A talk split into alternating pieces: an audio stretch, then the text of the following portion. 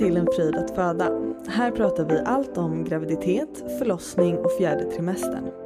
Jag heter Frida, jobbar som doula och stöttar gravida med faktabaserade tips och råd.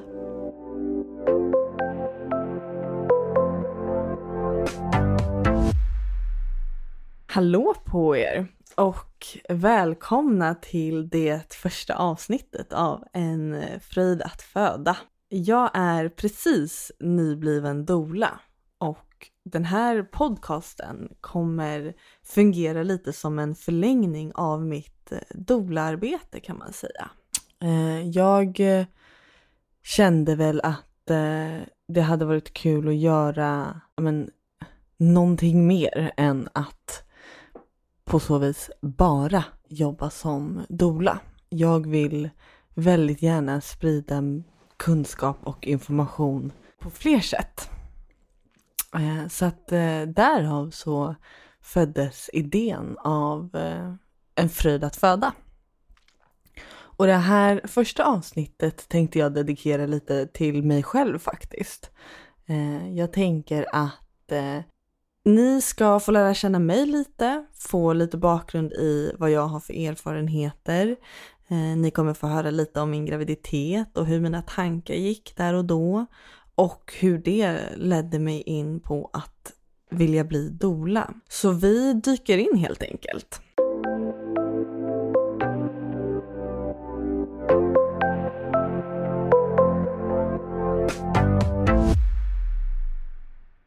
Jag heter Frida. Eh, jag är 28 år gammal, fyller 29 och bor i Stockholm tillsammans med min eh, sambo och våran son som eh, fyller ett här nu om eh, några dagar. Vilket känns helt absurt att tänka på att jag har en ettåring. Ehm, men tiden går fort. Och eh, jag har tidigare jobbat som managementkonsult.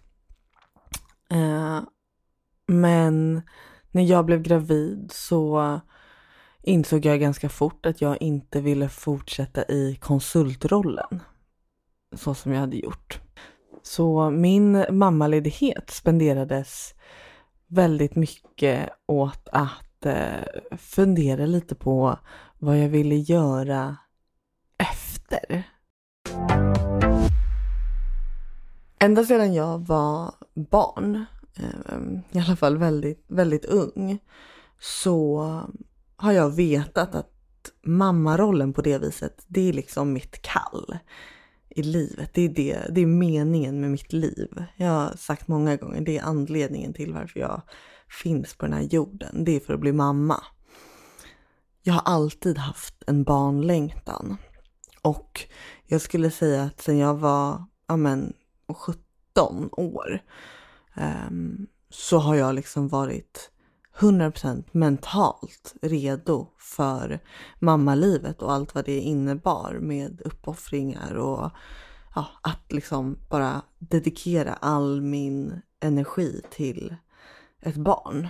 Um, sen så har man ju såklart, eller förstod väl jag att ja, förutsättningarna för en 17-åring kanske inte är superbra um, för att skaffa barn.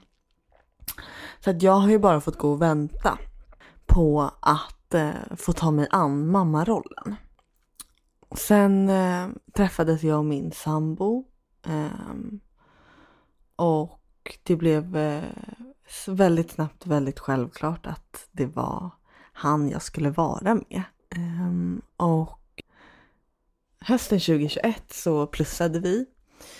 Ehm, och konstigt nog så kände jag mig väldigt liksom så här, jaha, okej. Okay. Eh, jag tror att jag hade någon bild av att dagen jag plussar på, på stickan så skulle jag bli helt liksom överextatisk och bara så här over the moon excited. Och allting skulle bara så här förändras över en dag så.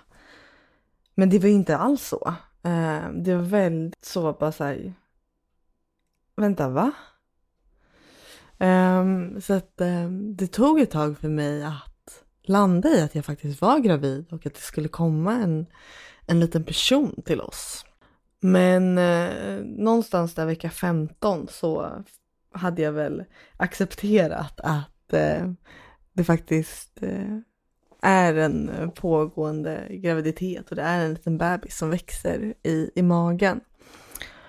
Ehm, och jag visste väldigt mycket om eh, graviditet och förlossning och spädbarn och så redan innan jag blev gravid. Eh, I och med att jag eh, hade den här enorma barnlängtan så drogs jag väldigt lätt till den typen av information. Ja men nu med sociala medier, den typen av content. Ehm, jag har alltid följt väldigt mycket liksom mammakonton och graviditetskonton och jag har konsumerat väldigt mycket eh, ja, men content gällande, eller innehåll och fakta och så gällande eh, graviditet och förlossning och barn och allt vad det innebär. Så att när jag blev gravid eh, så visste jag på det viset redan väldigt mycket eh, om vad det var som väntade mig och oss. Så, men eh, i det stadiet, i, när jag fortfarande var gravid, så, så kan man väl säga mig på det viset. Eh, men såklart så är det ju mycket som händer och så. Och ehm, eh, jag, jag började läsa på ännu mer om allt möjligt eh, som, som dök upp under graviditeten. Alla frågor och funderingar som jag hade. Och eh, väldigt fort så gick jag också in på liksom förlossning och uh, vad kan man förvänta sig och eh, vad kan jag göra för att förbereda mig och förbereda min kropp och så. Och jag kom över det här med perineal massage. Jag tror att det är så man uttalar det i alla fall. Det blir väl någon form av svengelska. Och perineal massage är alltså en typ av massage som eh, man kan göra för att minska risken av att spricka eh, du kan likna det lite till att stretcha musklerna i vaginalöppningen helt enkelt. Eh, det finns några metaanalyser som visar ett samband med utövningen av perinealmassage med en lägre risk för behov av att klippas. Eh, men i alla fall, jag hittade den grejen och lite så här, ja, okej, okay, då kör vi på det. Så jag läste på väldigt mycket ehm, jag kände aldrig riktigt att jag var jag hade aldrig någon eh, på det viset oro eller rädsla inför en förlossning. Eh, jag var väldigt förberedd på, på vad, vad det var som skulle hända i min kropp eh, och jag kände mig väldigt trygg i att födandet är så naturligt. Jag var väldigt tacksam också över att veta att jag Eh, är gravid och skulle föda barn i Sverige. Alltså säga vad man vill om vården och tillgänglighet och allt det. Men förlossningsvården i Sverige är trots allt en av de bästa i världen. Så att jag var på det viset aldrig liksom orolig över min hälsa eller mitt barns hälsa kopplat till en förlossning. Sen så vet jag ju såklart att eh, komplikationer kan uppstå. Eh, som jag har sagt så var jag väldigt, väldigt påläst så att jag visste precis vilka komplikationer som kan uppstå. Ehm, det är också konstigt när man är gravid eh, och man pratar med, man pratar med folk, specifikt folk som har fött barn. Gud vad folk är duktiga på att berätta skräckhistorier. Alltså det är ju faktiskt någonting som vi måste ja, lägga av med. Absolut att eh, det kan gå illa, det kan gå fel och det kan bli väldigt, väldigt kritiskt och väldigt traumatiskt. Men är det verkligen någonting vi berättar för en person som står inför det här? Och också väldigt ofta en person som man inte känner speciellt bra. För det var ju inte så att det var de i min närmsta omgivning som bara lite randomly berättade det här. Eh, jag har absolut personer i min omgivning som har gått igenom traumatiska förlossningar. Eh, och där vi har suttit och pratat om deras upplevelser. Men då har ju vi pratat om det utifrån deras upplevelser. Det är ju inte att den, de personerna har uttryckt det här för att på något vis här, ja minsann, så här kan det gå till när man, det här, när man föder barn. Det är hemskt, det är farligt. Utan de som hade den approachen, det var ju personer som man inte riktigt kände. Um, och det här tycker jag är ett otroligt intressant fenomen. Eh, och det är nästan att vi liksom, det kan vi gå in på i ett annat poddavsnitt. För att alltså förlossningsrädsla är ju en extremt vanlig, eh, vad ska vi säga, upplevelse eller ett, ett extremt vanligt tillstånd. Och också någonting som man inte alls ska ta lätt på. Alltså det kan ju hindra folk från att faktiskt skaffa barn. Så att, ja, den grejen fascinerade mig verkligen. Hur, hur lätt folk har för att så här, ja men berätta skräckhistorier helt enkelt.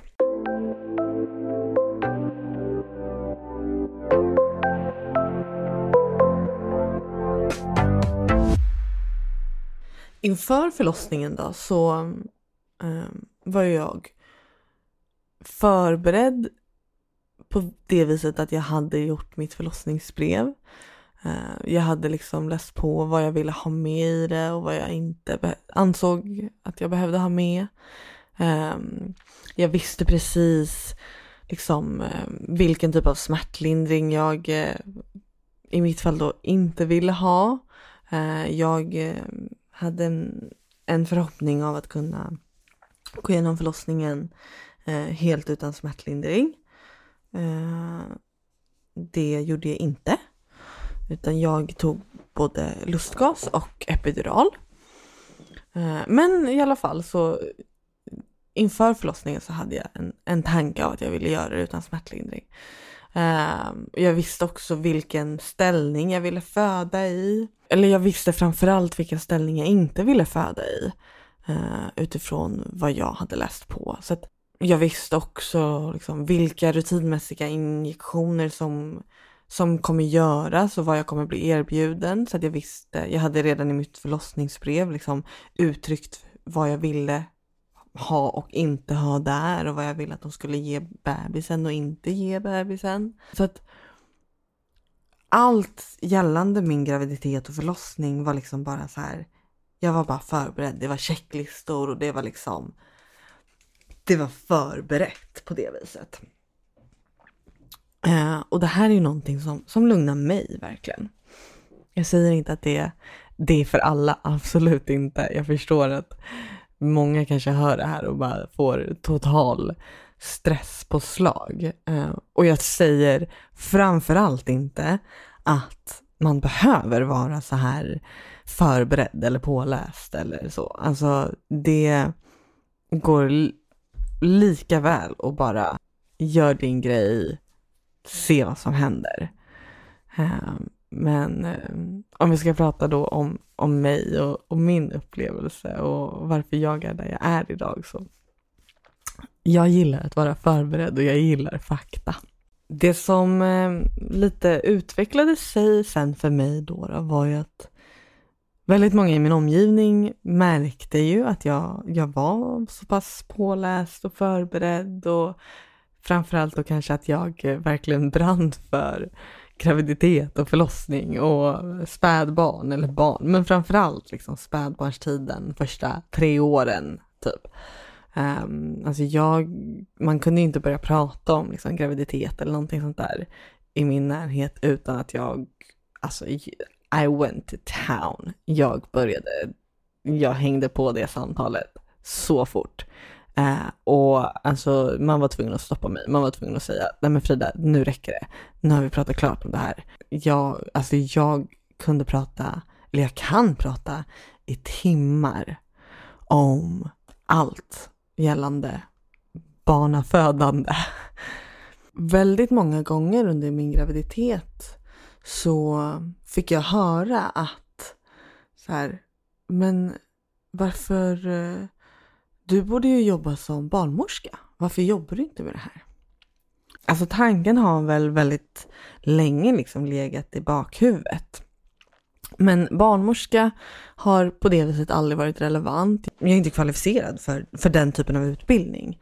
Um, så att det har liksom aldrig varit på bordet så att säga.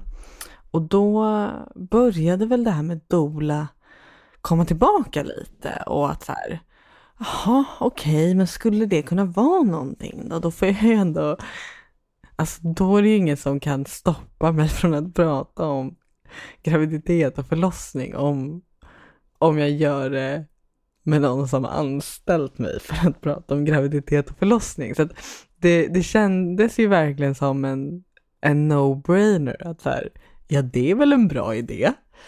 Um, men, men det var väl alltid en sån där tanke som bara så här, så bara låg där och var så lite så här, ja, jo men det hade väl, ja, kanske någon dag sådär, jag vet inte, så.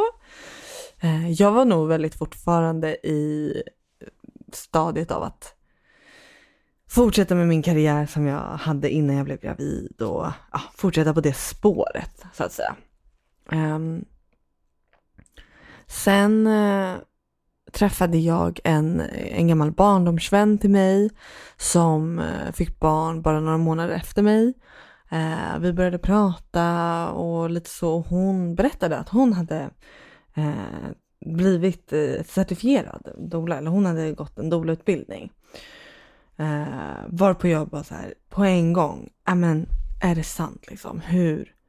Du gjorde det, du har gjort det liksom så. Och så började vi prata om det och vilken utbildning hon hade gått och hur det går till och ja, det blev liksom lite spiken i kistan för mig att så här, okej, okay, nej men fasen nu, jag gör det. Jag, jag testar, vi kör liksom. Och efter det så, så har det egentligen bara rullat på.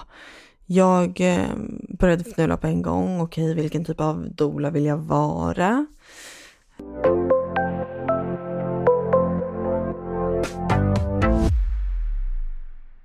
Den traditionella doula-rollen som jag i alla fall har stött på eh, passar inte riktigt mig. Eh, utan, eh, utan jag tror att till skillnad från eh, kanske många andra dolor så kan jag uppfattas ganska fyrkantig i min approach. Eh, det är liksom inget fluff eh, med mig utan det är väldigt liksom rakt på sak. Eh, som jag har sagt tidigare så är så här, jag gillar fakta eh, och jag menar absolut inte att andra dolor inte är faktabaserade i sin approach. Men, ehm, ja men som sagt, jag tror, jag tror att jag blir lite mer fyrkantig och lite så här ja, så här är det. Gilla läget. Typ.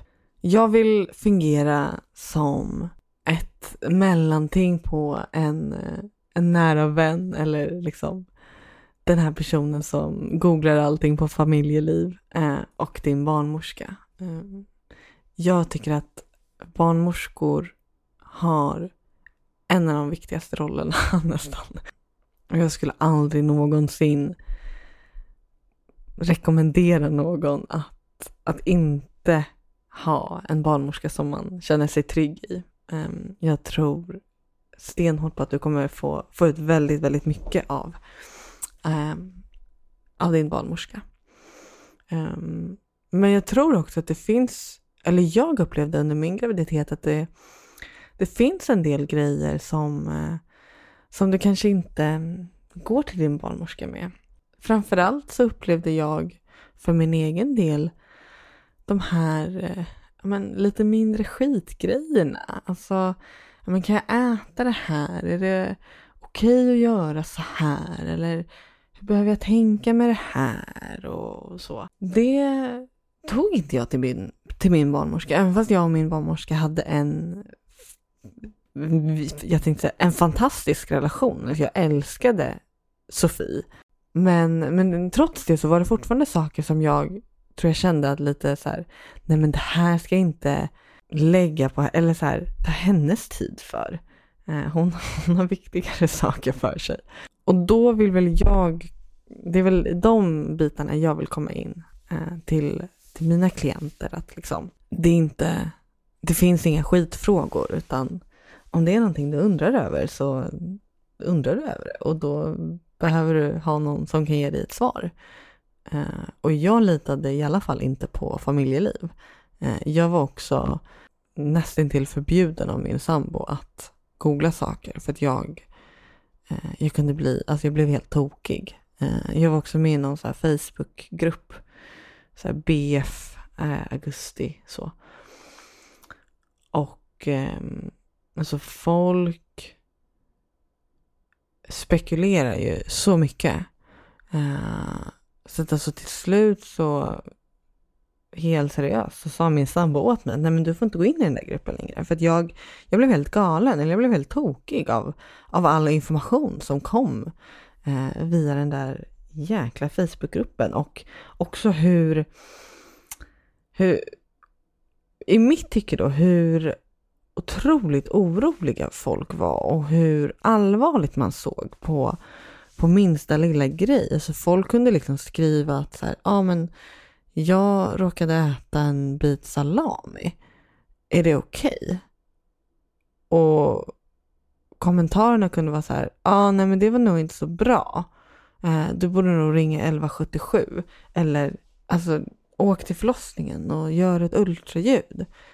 Och absolut att så här, ja, men du ska ju tänka på vad du stoppar i dig utifrån att vissa livsmedel är inte bra för fostret.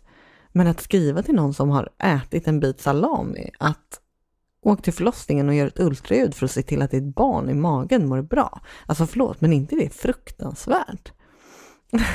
Sidospår, men, nej, men så jag kände bara att så här, jag, jag vill liksom fungera som den där mellanhanden.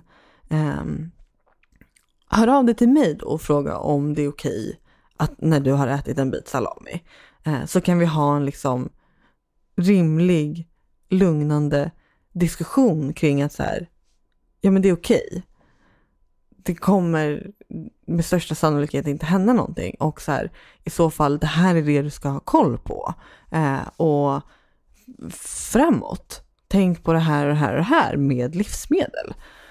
Eh, men ja, äh, men så att det, jag känner väldigt starkt för att liksom vara den här resonliga rösten till um, gravida personer där ute. Utöver att jag vill jobba som doula då, så, så började jag liksom fundera på att så här, okej, okay, för det första, mitt första tanke var väl lite, okej, okay, marknadsföring, hur når jag ut? Vad, liksom, hur ska jag få klienter?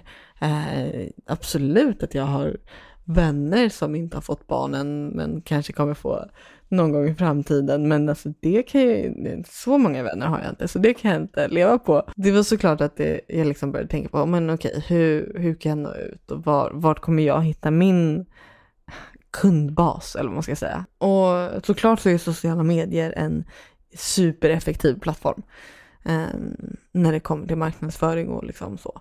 Eh, så att eh, En fröjd att föda finns ju på Instagram där jag lägger ut dels liksom klipp kopplat till den här podcasten, eh, men också liksom lite så här, visste ni att eh, information och tips och råd och tricks och lite så.